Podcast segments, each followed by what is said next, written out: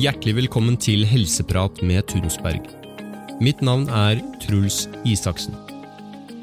I dagens episode har vi besøk av Dag Viljen Polisinski fra helsemagasinet Vitenskap og fornuft. Dag er også en av våre faste forelesere ved ernæringsterapi.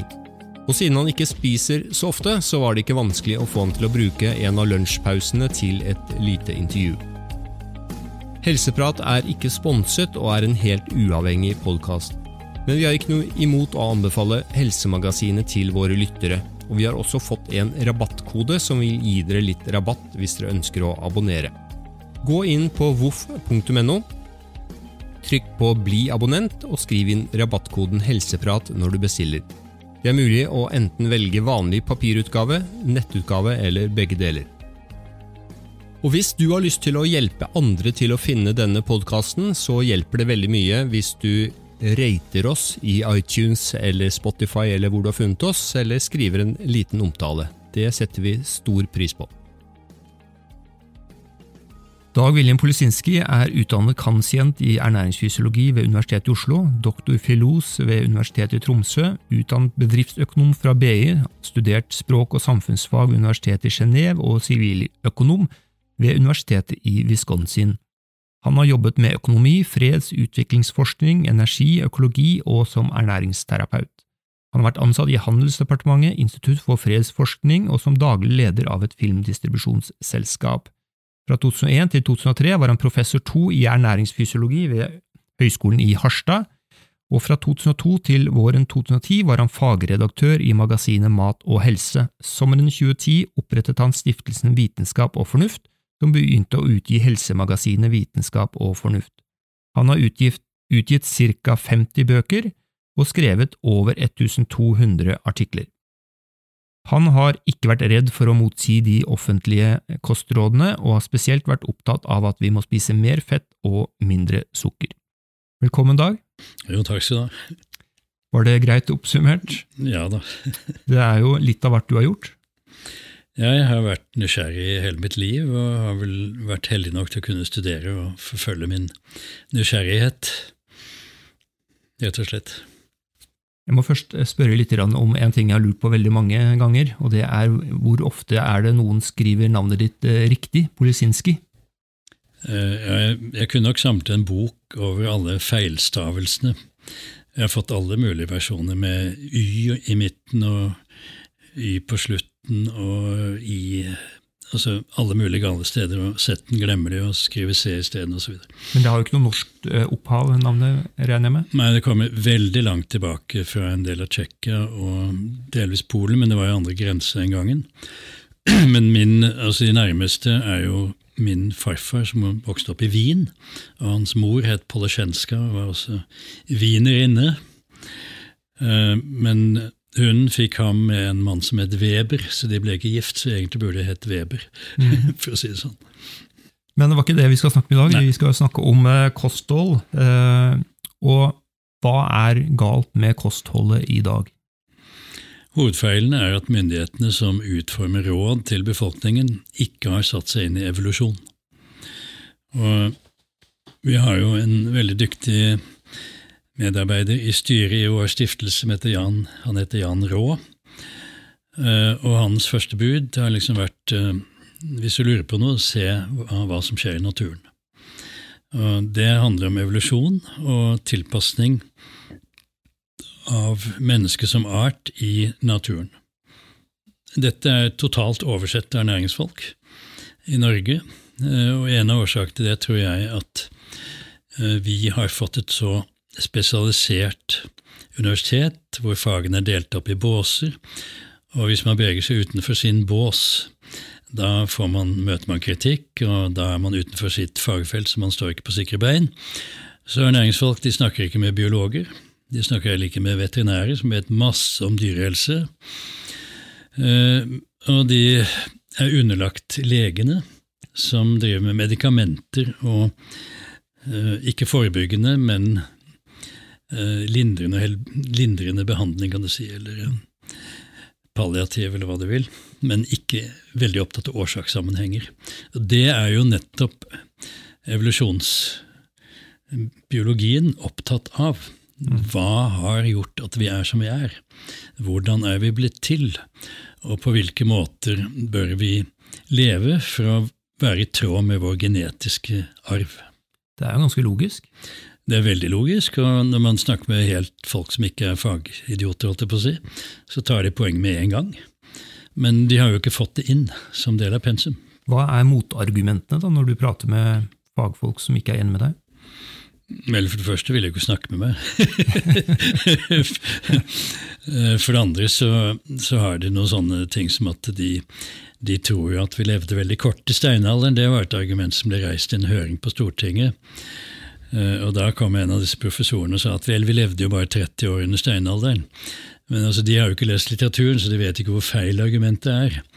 For det første så var det stor barndødelighet i sånne jeger-sankersamfunn i fortidsmiljøet, for de hadde ikke en del av de livreddende tingene vi har i dag. Og hvis halve barneflokken døde før de var to-tre år, mens resten levde til de var 60-70, da vil jo gjennomsnittet bli 30, og det de siterer hele tiden, er de der 30-årene. Men det er altså helt feil, og det som skjedde etter at vi begynte å spise korn, våre forgjengere, da sank levealderen drastisk, og også høyden. Vi ble mindre av vekst, 10-12 cm lavere. Og dette har vi ikke fått tilbake før i nyere tid, faktisk. Hvor vi har fått et bedre kosthold igjen. Mm.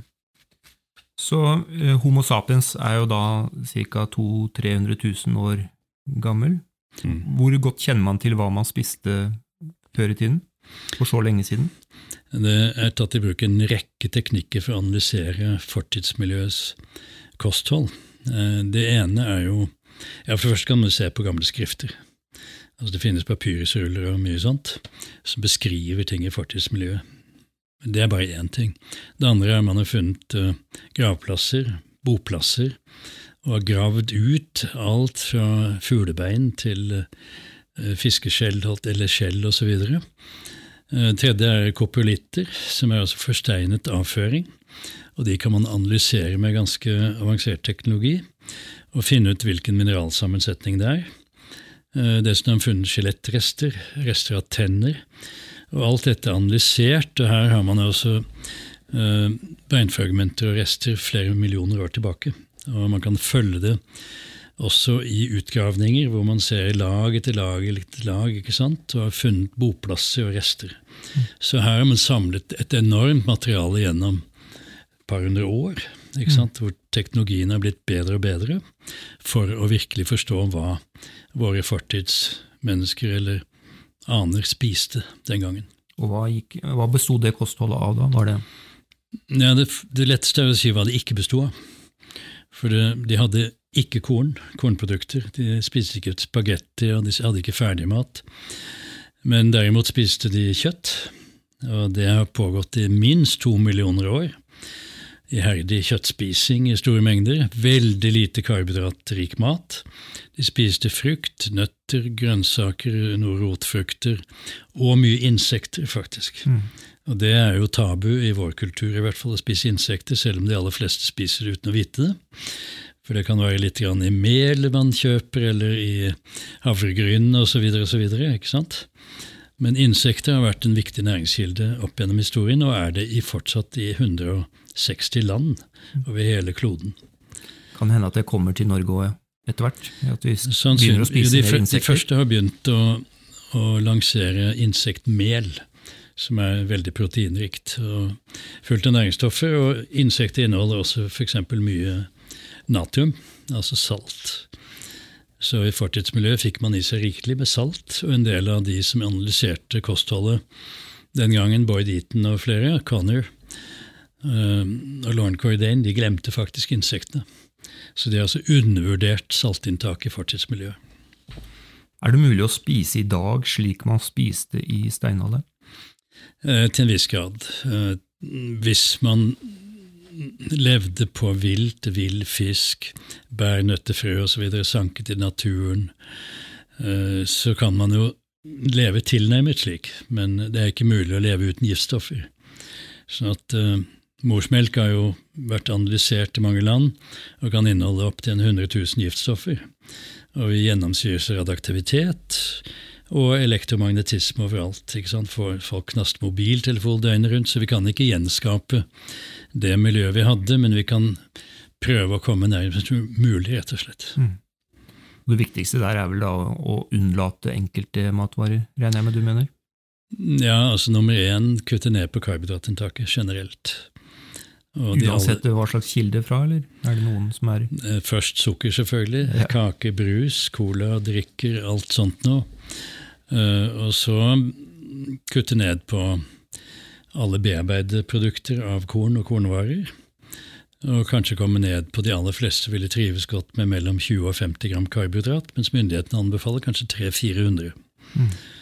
Hva vil skje i kroppen hvis man klarer å kutte ut eller redusere karbohydratinntaket? De aller fleste som har problemer pga. Uh, høyt karbohydratinntak som fører til insulinresistens i det lange løp, uh, som igjen er forbundet med omkring 100 sykdommer. Så det ville sannsynligvis bli kvitt eller veldig drastisk redusert forekomsten av de aller fleste sykdommene i vår tid. Hmm. Det er ikke så dumt. Så kunne man la være å bygge flere gigantsykehus til milliarder på milliarder. Så enkelt, men så, likevel så vanskelig å forstå for mange? Jeg tror at uh, folk som ikke er inne i en eller annen fagbås, har lett for å forstå dette.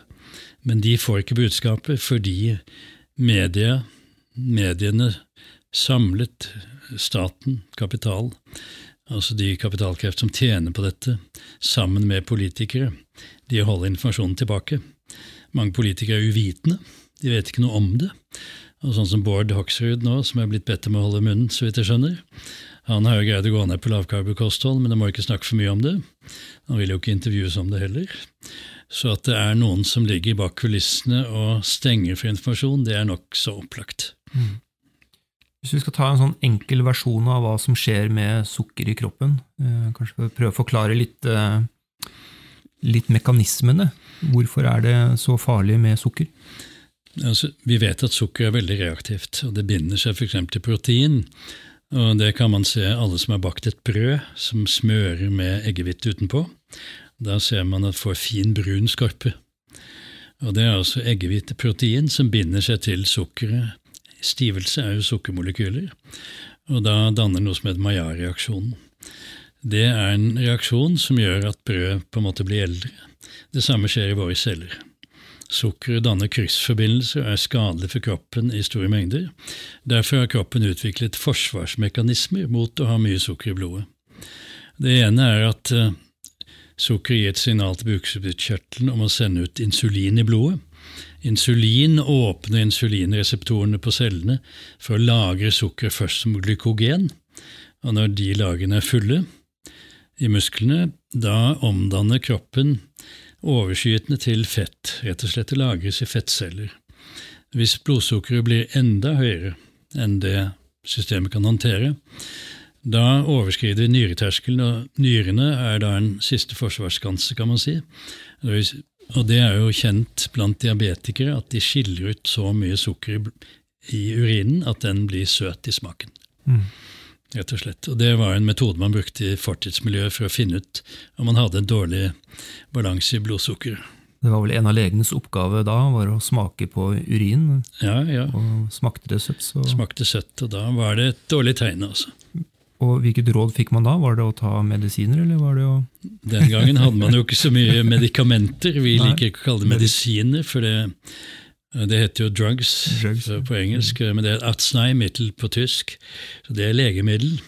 Men Hva slags råd fikk, fikk man da, når man hadde søt, Det var å kutte ned det søte. altså. Kutte ned på det søte. Og så Før i tiden så het det jo sukkersyke, nå heter det mm. diabetes. Har du ja. tenkt over hvorfor de endret navn på Ja, Jeg tror det kan være for å få oppmerksomheten litt bort fra hva det problemet var. Eh, Abraham Hoffer, som var en framstående lege og ortomolekylære medisiner, han mente at alle diagnoser burde være årsaksforklarende. Altså ikke bare høyt blodtrykk eh, av en eller annen ukjent årsak, men høyt blodtrykk pga. høyt sukkerinntak. Eller for mye omega-6-fettsyre i forhold til omega-3-fettsyre. At det hadde et årsaks sammenheng i diagnosen legen stilte. Ikke essensielt høyt blodtrykk. Det sier jo ingenting, men det er jo også en metode som gjør at legfolk ikke skjønner hvorfor de blir syke. Det mystifiserer det hele. Hadde legene vært tvunget til å si noe om årsaken, så hadde jo alle skjønt det, men det hadde kanskje ikke vært så lønnsomt for sykehus- og legeindustrien, for å si det sånn. Hvis vi skal begynne å oppsummere litt, eh, hva er dine viktigste råd hvis man ønsker å legge om kostholdet og spise mer sunt? Det ene er at vi trenger ikke spise hele tiden. Eh, hvis vi lar kroppen få en pause, klarer den å regenerere seg selv bedre og reparere skader. Så det ene er lang tid mellom måltidene. For å klare det må man spise mye mer fett. Fordi fett gjør at man blir vant til å bruke fett, og når man da er sulten, da henter man fra kroppens fettreserver istedenfor å tære først på glykogenlageret. Og med fallende blodsukker kjenne at man blir sulten og må ha mer karbohydrater av det vi helst ikke burde ha så mye av. Så først må vi venne oss til å spise mye fett og lite karbohydrat, og så begynne å ha lange avstander mellom måltidene, kanskje opptil 12-15 timer, og kanskje lenger. Og ikke spise mange små måltider, som myndighetene anbefaler. Det er altså helt feil, og det er ikke basert på evolusjonær tankegang. Og alle kan jo tenke seg hvor ofte en jeger spiste når han var på jakt og kanskje måtte forfølge et hjortedyr i 10-12 timer. Det lønner seg ikke å starte dagen da hvis du skal ut på jakt med et stort måltid. Du blir ikke rask og sprek da? Nei, og i hvert fall ikke havregrøt, for å si det sånn, eller kornprodukter. Det hadde jo ikke tilgjengelig. Så de kunne dra ut om morgenen på tom mage, akkurat som jeg har gjort nå på disse forelesningene. Ikke spist i dag. Mm. Plager meg ikke det minste, for jeg, jeg er fettilpasset. Når man spiser mye fett, da omdanner leveren fettsyrer til ketoner. Og det er et uh, molekyl som sendes til hjernen, og hjernen kan bruke, og hjernen bruker det mer effektivt enn sukker. Og det gjør at hjernen trenger så lite sukker at hvis ikke vi får mat, spiller ingen rolle. Man får ikke den der blodsukkertrangen, altså til å heve blodsukker for å tenke klart lenger. Så man blir altså ikke hypoglykemisk, for man er det hele tiden. En god mulighet for å ikke spise ofte, er jo bare å utsette første måltid til lunsj eller middag. Da. Ja, Man kan gjøre det gradvis. Rett og slett uh, la være å spise frokost, vente til man blir sulten, og så spise en fettrik lunsj. Og vente til man blir sulten igjen, og spise en fettrik middag. Og Mange klarer seg da med to måltider per dag, noen klarer seg med ett. Andre kan kanskje spise tre ganger, kanskje barn i vekst og sånn. Fornuftig å spise tre måltider. Er det noen forskjell på kvinner og menn? Sannsynligvis er det litt forskjell, fordi i fortidsmiljøet var kvinner mer sankere enn menn, mens menn var i større grad jegere og måtte venne seg til å gå lenger uten mat. Men prinsippene er for så vidt de samme, nemlig at det er visse matvarer de ikke spiste. Men det er sannsynlig noen mener at kvinner hadde et litt annet måltidsmønster. Mm. Hvor viktig er det å spise grønnsaker og frukt? og altså, Vi kan leve godt på bare kjøtt, men eh, det inneholder grønnsaker spesielt inneholder veldig mange næringsstoffer som vi bør få i tillegg. Eh, frukt er ikke så sunt som man tror. Mange frukter inneholder nesten bare sukker, men det var en veldig stor forskjell mellom dagens frukt, som er resultatet av planteforedling, såkalt, i århundrer, og som gjør at f.eks. eple inneholder stort sett bare sukker, ikke noen andre næringsstoffer. Inneholder noen antioksidanter i skallet, som da mange fjerner, for å si det sånn.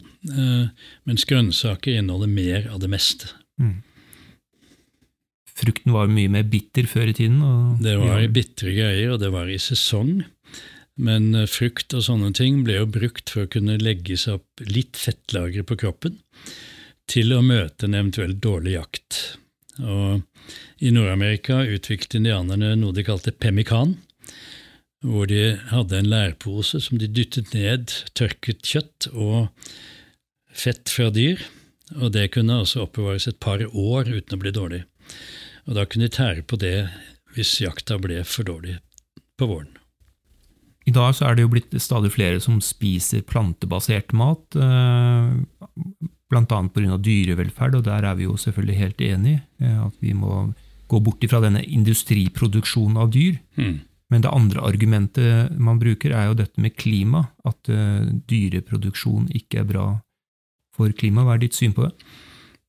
det? Det finnes en ganske mye interessant forskning som viser at man kan godt ale opp dyr uten at det har negativ klimaeffekt. Tvert imot. Og hvis man ser på studier som er gjort av bøflene i USA, hvor det, var millioner på millioner av bøfler som beitet på de enorme slettelandene der, de, det er blitt kalt uh, stampede grazing, altså, eller sånn flokkbeiting.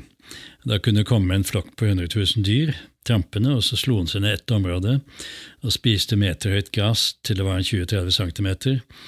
Når det var spist så langt ned, da er gresset i sin beste vekstfase. Da sto det og gjorde fra seg der, tråkket det ned i jorda, og jorda ble tjukkere og tjukkere.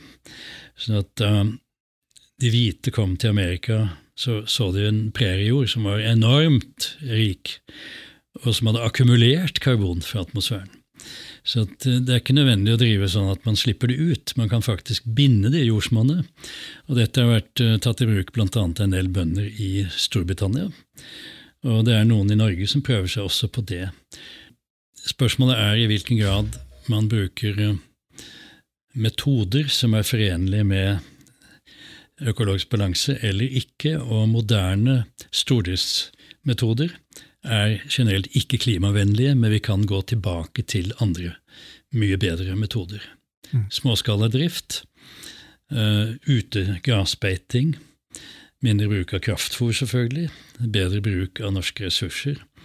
Men det er bedre for sysselsettingen også, da? Bedre sysselsetting, og vi får brukt større deler av landet.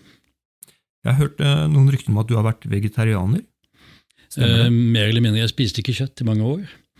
Og da traff jeg også professor fra Landbrukshøgskolen på Ås, som det het den gangen. Eh, og vi hadde en lang diskusjon. Jeg hadde skrevet et, et, hefte hvor han skrev en del om evolusjon og sånne ting. Og da tenkte jeg at hm, dette må jeg prøve. Og jeg hadde da en del helseplager. Jeg hadde masse luft i magen, jeg hadde halsbrann hele tiden. Eh, og så tok jeg min første biff og følte meg enormt vel. Og siden den gangen har jeg altså spist kjøtt og mer fugl og fisk og egg. Og Resultatet av det var at jeg på noen år la på meg fem kilo muskelmasse. Ganske, det gikk ganske fort, rett og slett. Tusen takk for at du ville bruke lunsjpausen din til eh, dette intervjuet. Du er jo her på skolen i eh, hele dag og underviser ernæringsterapeuter. Eh, hva skal du snakke om nå i neste time når du skal inn til undervisningen? Vi snakker en del om dette. Vi skal også snakke om salt. Ja. Og vi har snakket om faste. og periodisk faste. Og vi kommer kanskje litt inn på mitokondriefunksjon. Takk skal du ha. Mm. Det var hyggelig. Det var det vi hadde i dagens episode. Tusen takk for at du har hørt på, og vil du høre mer, vil jeg anbefale at du abonnerer på oss i enten iTunes eller Spotify. Og Hvis du likte denne podkasten, så vil det hjelpe oss utrolig mye om du hadde skrevet en liten omtale i iTunes. Hvis du har lyst til å lese om våre kurs, utdanninger og webinarer, så kan du gå til tunmed.no. Tusen takk for at du har hørt på, så høres vi igjen snart.